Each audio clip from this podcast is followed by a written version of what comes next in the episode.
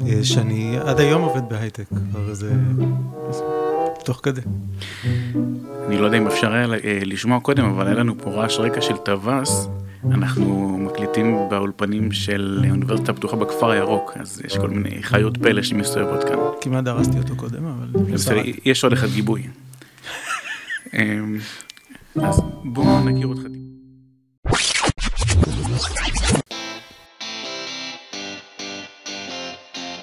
אתם מאזינים לפרק נוסף של Open for Business, הפודקאסט של מועדון היזמות של האוניברסיטה הפתוחה. אני מרום גולדשמיט, בוגר תואר ראשון בהנדסת תעשייה וניהול ותואר שני במנהל עסקים, שניהם באוניברסיטה הפתוחה. אני גם אחד מהמנהלים של מועדון היזמות בתוכנית למנהל עסקים של האוניברסיטה הפתוחה. האורח שלנו היום ב-Open for Business הוא אריאל זנג, לאריאל כ-20 שנות ניסיון בתפקידי שיווק ופיתוח הדרכה בהייטק, והיום הוא יועץ הדרכה ומאמן לעמידה מול קהל ו storytelling. הוא מעיד על עצמו שהסיפוק שלו הוא לעבוד עם אנשים ולמקסם את הכוחות הטמונים בהם לטובת השיפור העצמי שלהם. אריאל, ברוך הבא לפודקאסט. ברוך הנמצא. משהו שאולי פספסתי באינטרו? אה, שאני עד היום עובד בהייטק, כבר איזה...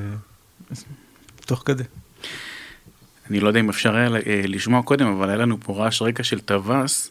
אנחנו מקליטים באולפנים של האוניברסיטה הפתוחה בכפר הירוק, אז יש כל מיני חיות פלא שמסתובבות כאן. כמעט דרסתי אותו קודם, אבל... בסדר, יש עוד אחד גיבוי. אמ, אז בואו נכיר אותך טיפה ונעשה את השאלון הקבוע שלנו בפודקאסט. ספר לי בבקשה על שני רגעים מהחודש האחרון, אחד חיובי ואחד שלילי. הפתעת אותי. אמ, זה יכול להיות משהו משמח במקום חיובי, זה יכול להיות משהו מאתגר במקום שלילי. שלילי זה כל מיני דברים עצובים ששמעתי ברדיו, וגם קצת הקיטוב הזה שאני רואה עכשיו, כי אנחנו בתקופת אה, בחירות, מאוד מאוד עצוב לי לראות את זה. חיובי זה איזושהי עסקה טובה שיצאה לי בסטארט-אפ הזה שאני, שאני עובד בו ומוכר בו, זה היה נורא כיף. מעולה, אז תכף נגיע גם לסטארט-אפ ותוכל לספר עליו. עד שנגיע לרגע הזה, אני אשמח אם תוכל לספר לי על משהו מהתקופה האחרונה שאולי היית עושה אחרת אם היית יכול. כרגע, ברוך השם, הכל בסדר. אולי, אולי פקק שנכנסת אליו ולא לא הקשבת לווייז, אתה יודע, זה יכול להיות גם משהו כזה. אז משהו שפעם לא הקשבתי לווייז ויצא לי נהדר. מה אתה אומר? כן, לגמרי. אז אולי כל זה קונספירציה הכי גדולה של גוגל. כן, זה פשוט האנשים של ווייז שאולי רוצים להגיע יותר מהר הביתה. פעם היה סיפור כזה, אני חושב. תגיד, מה אנשים לא יודעים עליך והיית רוצה שידעו? שחוץ מלהיות storyteller ולהעביר הרצאות אה, בחשיבה יצירתית וב presentation skills, אני אפילו, אני גם מורה דרך. האמת שזה אחד הנושאים היותר מעניינים שנתקלתי בהם בתחקיר עליך, ואנחנו גם נדבר עליו, כי הוא חלק אה, מאוד משמעותי מהחיים שלך. גם. אז אנחנו גם נגיע לזה. אמ, תגיד, כמה זמן לוקח לך להתארגן בבוקר? אני מהמתארגנים הארוכים, כי אני גם מתפלל בבוקר, אז בכלל. דווקא הייתי מנחש ההפך, לא יודע למה, הייתה לי תחושה כזאת שלוקח לך חמש דקות. תלוי, אה, לא, דווקא יחסית, יחסית אני משהו כמו ש... שלושת רבעי שעה כזה, מהקימה עד, ה... עד היציאה, שאם אתה מתפלל בזריז, אז איכשהו זריז. ספר לי במשפט אחד, מי זה אריאל זנג? בחור יצירתי, אוהב אנשים, אוהב אתגרים, אוהב דברים חדשים, אבל בעיקר נהנה לעבוד עם אנשים וכל מה שקשור באנשים. אחלה. אז בפחות מחמש דקות אני מרגיש כאילו אנחנו מכירים כבר לפחות חמש שנים. לגמרי.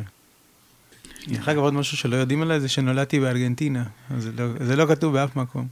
אתה מתכוון אולי ארגנטינה. בארגנטינה, כן, הגעתי בנורא צעיר, ולא כולם יודעים כי לא מרגישים במבטא שלי. כמו שאומרים, קה בואנו. קה בואנו, סי. מאיפה בארגנטינה? בונוס איירס. פוסטו פוסטו, כמובן. והגעתי לארץ באונייה, זה גם לא. אונייה? אונייה, כן. אני מניח שזה לא היה שת תענוגות, אבל... לא, לא, לא, אונייה זאת של הסוכנות. מאיזה רובע בארגנטינה, בבונוס איירס? אונסה.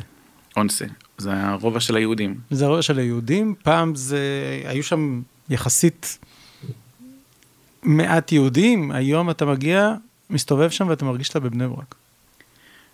אתה יודע אגב לספר לי למה קוראים לזה אונסה 11? זה קשור לדעתי ברבעים מסוימים שיש בארגנטינה, אני לא זוכר, אבל נדמה לי שיש לזה גם שם אחר בנוסף, זה כינוי ל- ל- ל- לרובע הזה דרך אגב. אה, מעניין, לא, לא ידעתי את זה.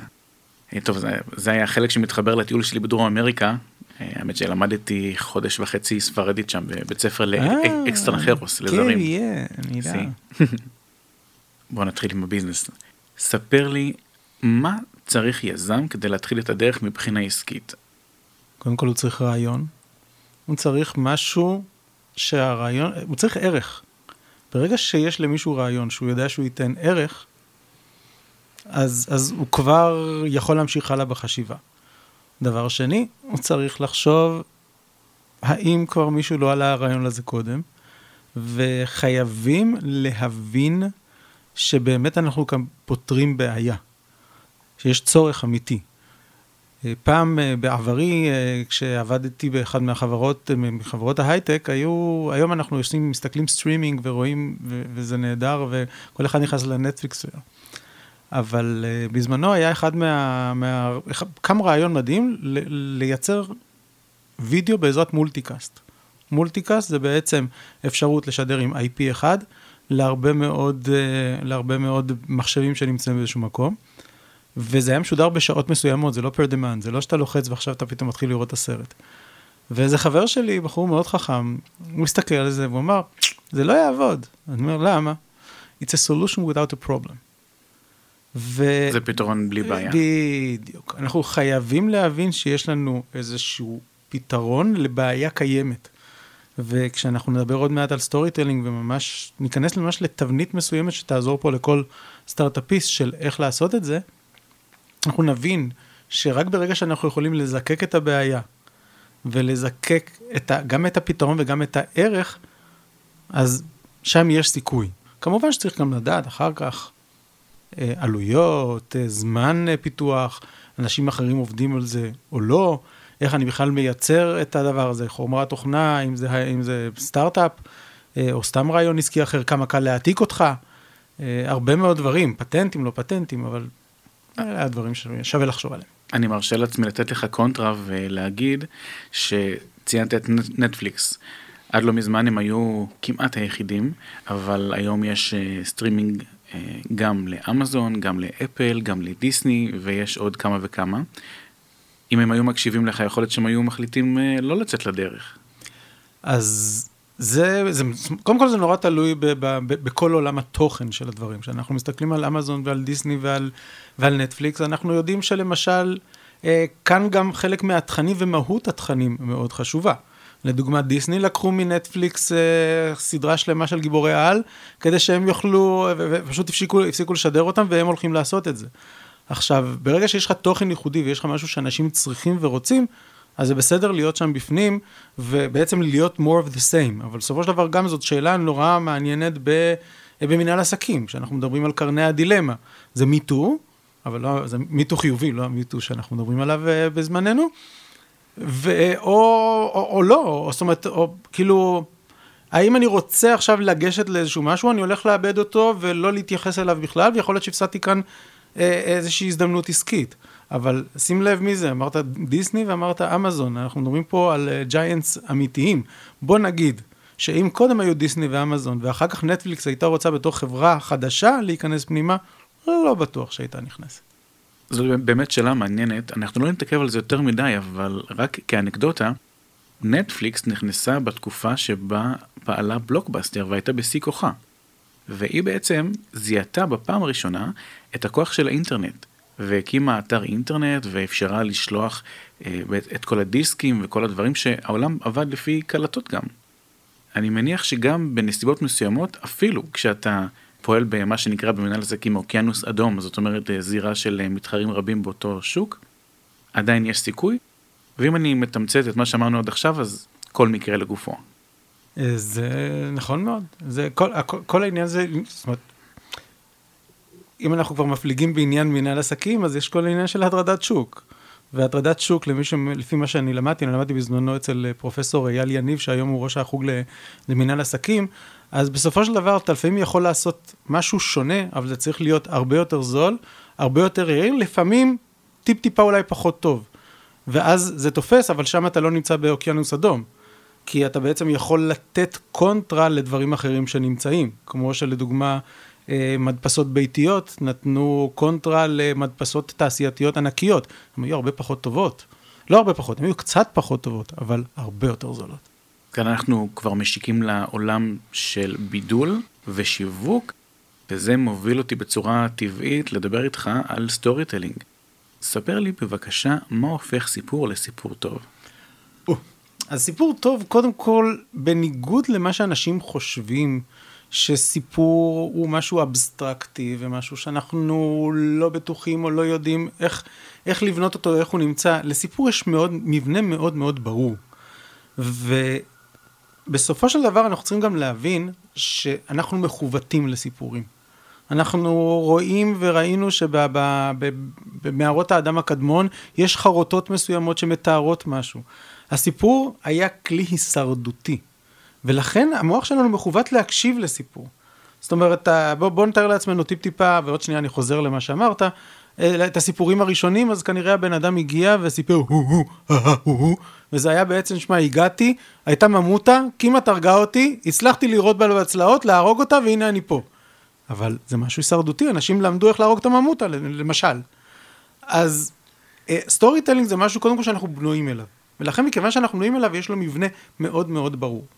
אז בואו נתחיל אפילו עם, עם תבנית storytelling מאוד בסיסית. ותבנית storytelling בסיסית בעצם מדברת על רקע, בעיה ופתרון.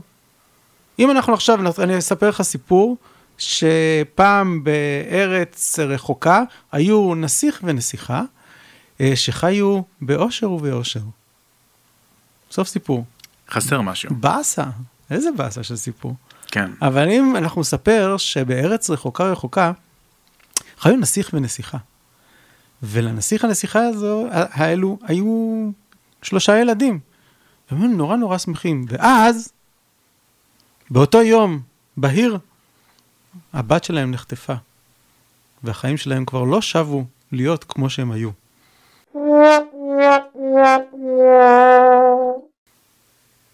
ועכשיו אתה נורא במתח מה קרה. חסרה טם טם טם. בדיוק. וזה חלק מהעניין, אנחנו חייבים בעיה כדי לסקרן אותנו. המוח שלנו, אני בהרצאות שלי אני עושה משהו נורא נחמד, אני אמ, נותן לאנשים שקף, וזה נמצא גם בסרטונים שלי ביוטיוב, עם משפטים מסוימים, אותיות חסרות. והמוח שלנו יודע להשלים אותיות חסרות באמצע, באמצע מילים. למה? ככה אנחנו מוכבטים, אנחנו רוצים לפתור את הבעיה, זה יחרפן אותנו אם לא... כמו טה טה לה לה קשה, קשה. טה טה טה טה טה טה טה טה טה אם יש פה מישהו שלא השלים את זה בראש, כנראה ש, ש, שהוא לא שמע, פשוט. זה העניין, וזאת ההתחלה. אני קורא לזה לשבור ולבנות מחדש. אני בטוח שיש עכשיו לא מעט מאזינים ששונאים אותך בסתר. לגמרי. צריך להמשיך את המתח של הטאטה. כן, אמ, אגב זה גם חלק מהפודקאסט של דורון פישלר, מה שאמרת עכשיו. ככה הוא בונה, ככה הוא בונה, הוא בונה את הכל, תמיד יש לו את המקומות האלה שהוא חותך. ואתה רואה איך הוא מייצר את הדילמה, מייצר את השבר, ואז בונה לך אותו מחדש. כן, לגמרי.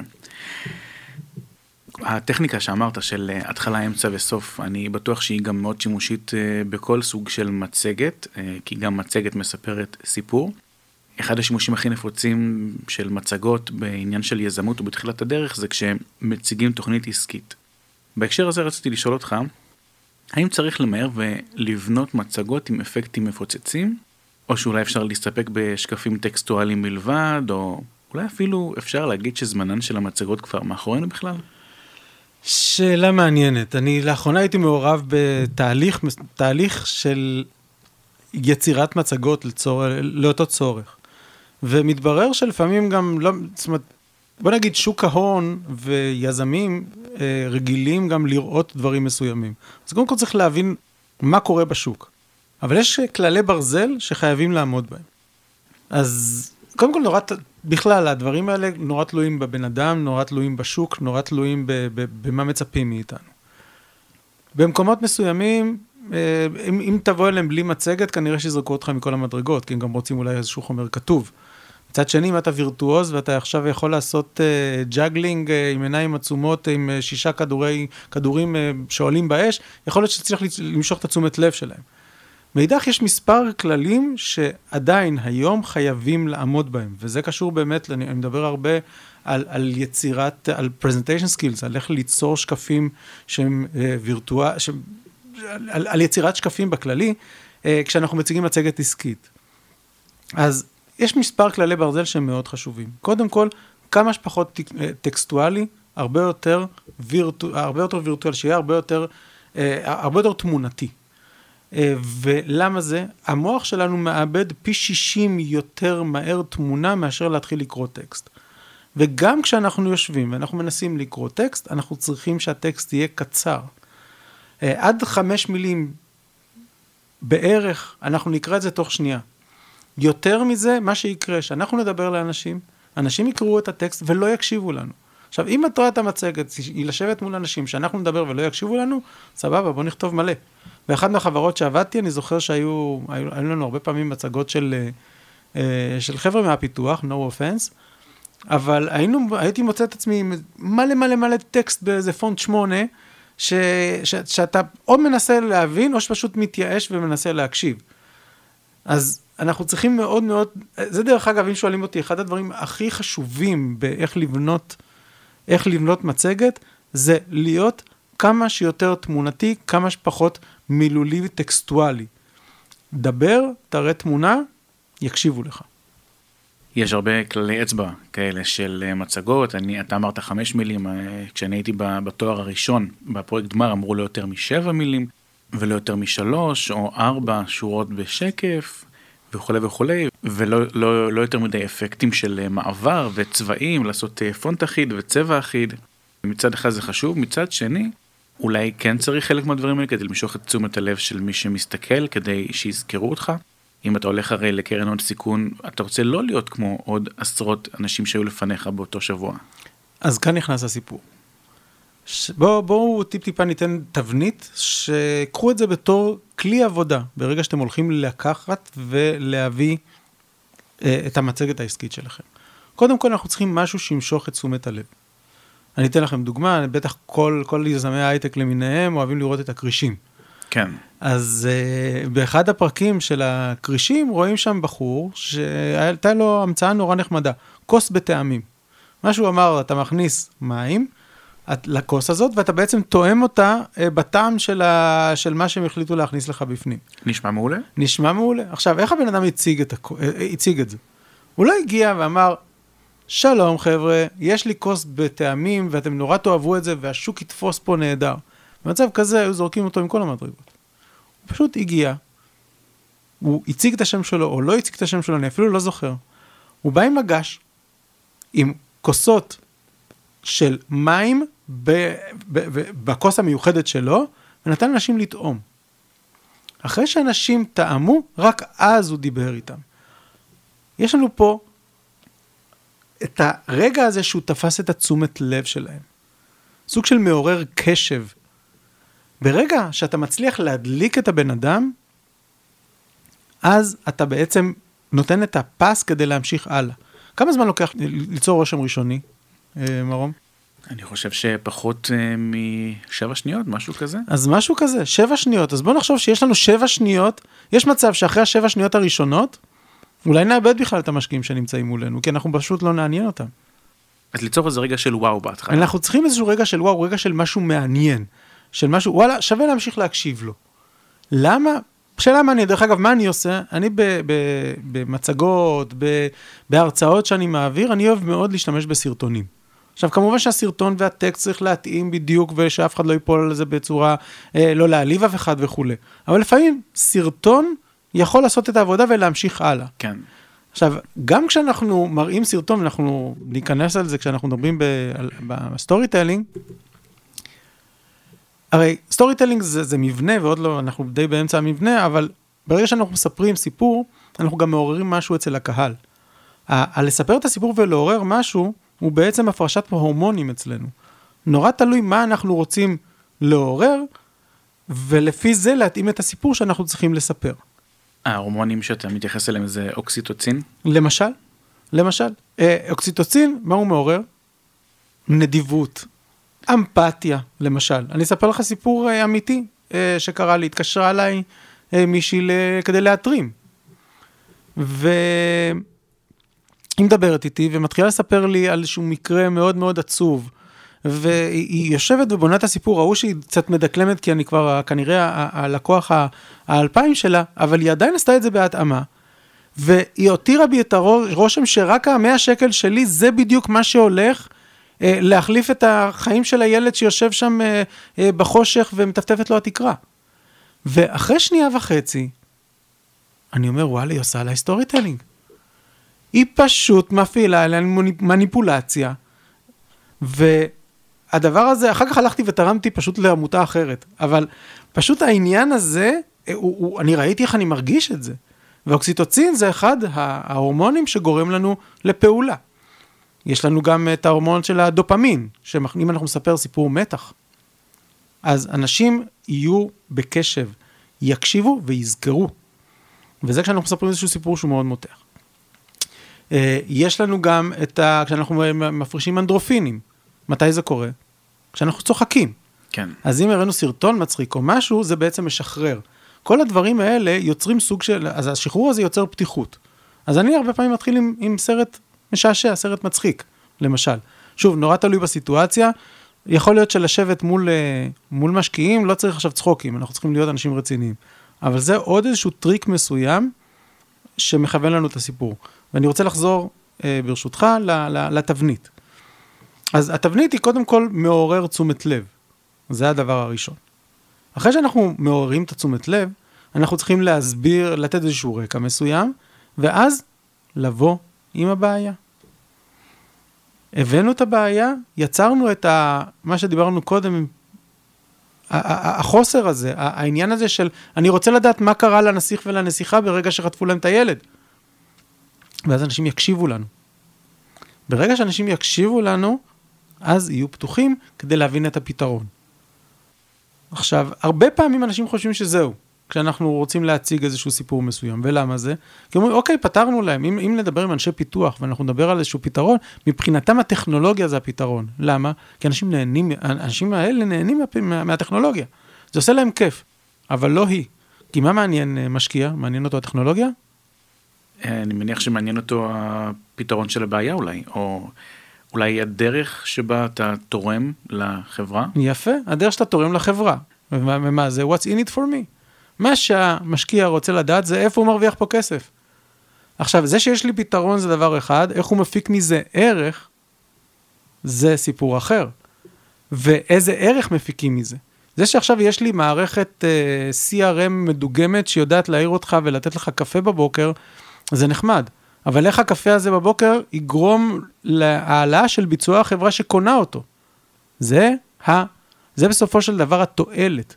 ויש לנו הרבה פעמים בלבול בין תועלת לבין פתרון. המון פעמים במצגות אנשים מגיעים עד הפתרון ושוכחים את התועלת. וזה דבר מאוד מאוד חשוב.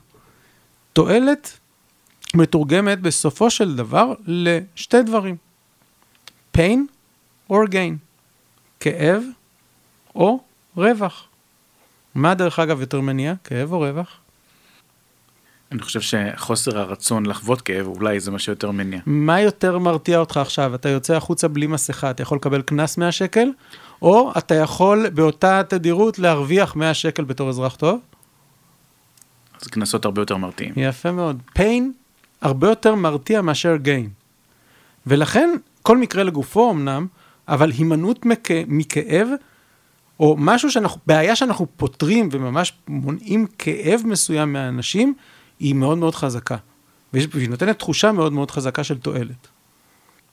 מעניין. נעשה טיפה הפוגה עם ה storytelling, ונלך לכמה רגעים לסיפור האישי שלך. אומרים שהרבה יותר קל לייעץ ממקום של ניסיון אישי. אחד הדברים שאתה בוודאי מייעץ לגביהם הוא אופן ההתמודדות מול לא, או מול כישלונות כאלה ואחרים.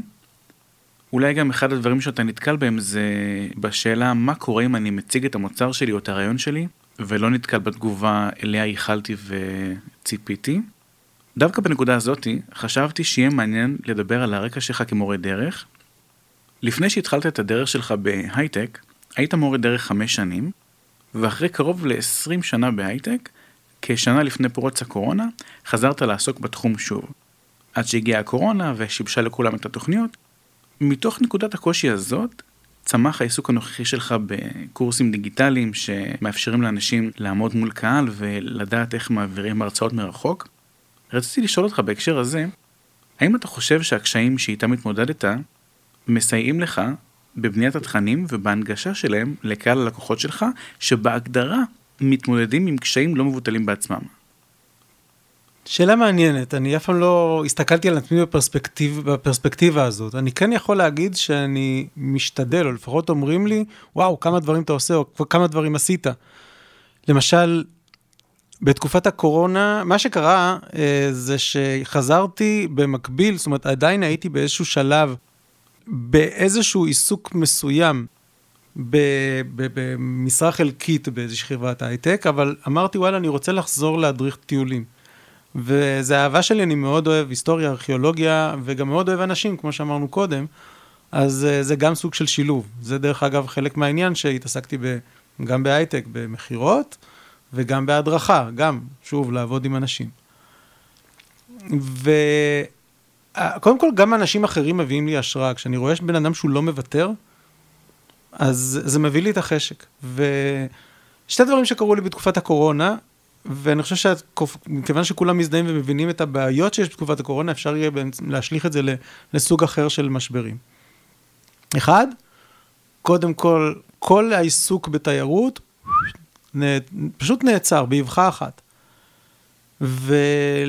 ולשמחתי, מכיוון שאני יודע לעשות אה, מספר דברים ואני לא תלוי רק בדבר אחד, אז אמרתי, אוקיי, מה אני עושה עכשיו? עכשיו, היו לי חומרים שהכנתי של איך ללמוד אונליין ואיך להעביר הרצאות אונליין, שהיו מוכנים לי אולי שלוש שנים במגירה. שיש סופרים ומשוררים שכותבים למגירה, אני כתבתי חומר הדרכה למגירה, אבל אף אחד לא עניין אותו. כי מי עניין אותו אה, אונליין בשנת 2014? אה, באמת לא עניין אף אחד. ואז דיברתי עם איזה חבר, בחור שקוראים לו שרון, דרך אגב, הוא הסריט את, ה, את הסרטונים שיש לי ביוטיוב, ו... הוא בחור שלא מוותר, הוא לקח והתחיל להרים אה, במות, אה, במות כאלה של, של, של זמרים וסטנדאפיסטים ש, שמדברים וכולי, והוא אמר לי, יאללה, תנסה, מה אכפת לך? ופשוט התחלתי להרים סדנאות דרך הפייסבוק, והתחלתי להביא אנשים לעניין הזה של האונליין, ותוך כדי זה שאני מעביר סדנה באונליין, מתקשרת אליי מישהי אחרת, ואומרת לי, תשמע, אה, מישהי מהציבור החרדי, ואומרת לי, אנחנו לא מכירים את הזום. אתה יכול ללמד אותנו זום? אמרתי לה, עליי, וכתבתי מדריך זום של 70 עמודים, עם סקרין קפצ'רס, דם פרוף לגמרי. וואו. וכאילו, ועד היום, אני היום מוכר את, ה, את הדבר הזה ברשת. ואמרתי לעצמי, אוקיי, מה, מה עוד אפשר לעשות? ואמרתי, אוקיי, אני עכשיו רוצה לעזור לכל המובטלים שנמצאים, והרמתי, אה, פרסמתי בפייסבוק ובכל מיני מקומות, שאני מעביר הרצאה על לינק, ללינקדאין למחפשי עבודה. ותוך שלושה ימים פנו אליי איזה מאה איש. ואמרתי, יאללה, איזה באס, אם כל כך מהר פונים אליי ואף אחד לא מכיר אותי, כנראה, זה היה תחילת הגל הראשון. כנראה יש, יש שבר רציני. ואמרתי, טוב, אני לא משאיר את זה שם, ואני מרים בפייסבוק ובוואטסאפ קבוצה כדי לעזור למחפשי עבודה. ובתחילת הגל הראשון, היום אנשים כבר, יש מזום, זומים, יש יותר מדי זומים כבר בכל מיני אופציות. אבל הרמתי והייתי מארגן תוכן שיעזור למחפשי עבודה, האם זה איך לכתוב קורות חיים, היו מרצים מתנדבים שהיו מגיעים פעם, פעם בשבוע, יום רביעי או חמישי, ו, ולימדו אנשים איך לגשת לרעיון עבודה, אה, איך מדברים ברעיון עבודה. אני עברתי ספציפית שלוש הרצאות ב, ב, על, על לינקדאין למחפשי עבודה, ועשיתי מהם אחר כך גם קורס דיגיטלי, ממש ישבתי וערכתי את זה.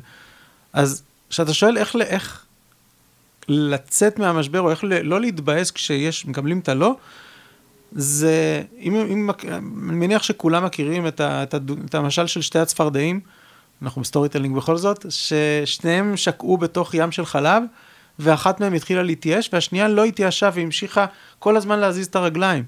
ולאחת, בסופו של דבר, אחת פתאום ראתה שהיא יכולה לצאת, למה? כי היא הפכה את החלב הזה לשמנת. אז מה שאני אומר, פשוט לא להפסיק להזיז את הרגליים. אם המשקיע הזה אמר לנו לא, ואנחנו בטוחים שיש לנו רעיון טוב, פשוט לנסות לפנות הלאה, ולהגיע לעוד מישהו, ולבדוק עוד מישהו, ולנסות איזשהו משהו אחר לגמרי, ולבדוק אולי בכלל הפתרון שלנו, שאנחנו באנו פה ל, ל, ל, עם, עם, עם וואחד רעיון לסטארט-אפ, אולי בכלל פותר בעיה אחרת, ואולי בכלל תחום אחר שמשווע לפתרון שלנו, אז תמיד לפתוח את הראש ולא להתייאש. אומרים, יגעת ומצאת תאמין, המטרה היא, ל, ל, כי אם אנחנו בטוחים בעצמנו שמשהו יתפוס, סיכוי גבוה מאוד שיתפוס. מצד שני, שתהיה לנו עוד אופציה, כן? אנחנו לא, אם נשקיע עכשיו 200% מעצמנו שם, ואין לנו שום פרנסה, בסופו של דבר גם נגמור לא טוב. אז אנחנו צריכים גם למצוא את הפרופורציה הזאת של גם לחיות, אבל גם לא לוותר על החלום שלנו עד כמה שאפשר. וגם, אחרי איקס זמן מסוים, תמיד לעשות חישוב מחדש. אי אפשר ללכת באמוק לגבי, על מטרה מסוימת, וכי אולי אנחנו באמת טועים, אז להתייעץ עם אנשים חכמים, שאנחנו מעריכים אותם, ולבדוק. לעשות חישוב מסלול, זה תמיד, תמיד טוב, ותמיד לומדים מזה. כמו שאומרים בהקשר של אה, הקורונה והתמודדות עם אילוצים שסיפרת, אומרים שהכורח הוא אבי ההמצאה. אז אין ספק שבמקרה הזה זה גם משהו ש... שעזר לך באופן אישי. אמרת שאתה עדיין עובד בהייטק, גם בתחום של, אה, של שיווק, שיווק, באיזה תחום בעצם אתה כיום? אני בתחום של שיווק ומכירות, ואני עובד בחברת IoT, בסטארט-אפ של IoT שעובד על Industrial 4.0. IoT, האינטרנט של הדברים, מה זה Industrial 4.0 מה שאמרת? זה בעצם התחום החדש של, שמביא ומייצר מיכון חכם. והמטרה של הסטארט-אפ היא בעצם להגיע למקום של החזקה חכמה אה, למפעלים. וזה, יש, יש אחלה מוצר, ובתקווה, בעזרת השם, ש, שאנחנו נגדל ונפרח. יפה, אז שיהיה בהצלחה. תודה רבה. יש עוד הרבה דברים שרציתי לדבר איתך עליהם, כמו על שפת גוף ופרזנטציה, שימוש במיקרופון, טכניקות דיבור מול קהל בזום, אבל uh, נשמור את זה כנראה לפרק הבא. אין בעיה, קודם כל, ודבר שני, מוזמנים תמיד להסתכל על, ה, על הסרטים שלי ביוטיוב, כי יש לי מלא טיפים שם. מה השם של הערוץ למי שרוצה? Uh, שיחפשו אריאל זנג ב, uh, ביוטיוב. אה, אני אוכל אחר כך גם, אם יש הערות בתוך הפודקאסט, כן, אני אוכל לשלוח לך לינק, ואז אה, יש שם מלא סרטים, איזה 20 ומשהו סרטים, מלא, מלא טיפים. מעולה. ממש לפני שנסיים, אני אשמח אם נוכל לדבר ממש בקצרה על טיפ מזוקק שיש לך ליזמים וליזמיות בתחילת הדרך שלהם. אתה יכול להתמקד ב storytelling אם אתה רוצה, או בכל נושא אחר. אמרנו את זה, וזה חשוב מאוד. אל תעמיסו בשקפים, שיקשיבו אליכם יקשיבו לסיפור שלכם, ואתם רוצים אחר כך לתת לאנשים חומר כתוב, תכינו אפילו עותק של אותה מצגת רק להדפסה. במצב כזה, יקשיבו, יתרשמו מכם, ואז תעשו את הרושם הטוב שלכם, ומשם זה ימשיך הלאה. אז מסר צריך להיות תכליתי, קצר ולעניין, להתחיל את המצגת עם וואו, להתמקד בוויזואליזציה, זאת אומרת תמונות ולא טקסט, ובסופו של דבר גם חשוב להתמקד בחלק האנושי ובצורך, ולא רק ברעיון עצמו. אכן. אחלה, מעולה. אריאל, המון המון תודה לך, היה מחכים ומעשיר, למדתי המון. תודה רבה לכם, היה כיף. תודה רבה לך. תודה רבה לך, מרון. יש פינות שתרצו להוסיף לפרקים הבאים? מרואיינים מעניינים שהייתם רוצים לשמוע את הסיפור שלהם? אנחנו מחכים לכם בקבוצת הפייסבוק שלנו, מועדון היזמות של האוניברסיטה הפתוחה, הקבוצה. לינק לקבוצה נמצא בתיאור הפרק. אתם האזנתם לפרק נוסף של Open for Business. הפרק הוקלט באולפני האוניברסיטה הפתוחה בכפר הירוק. על הסאונד, אורי דגני. תודה ונשתמע בפרק הבא.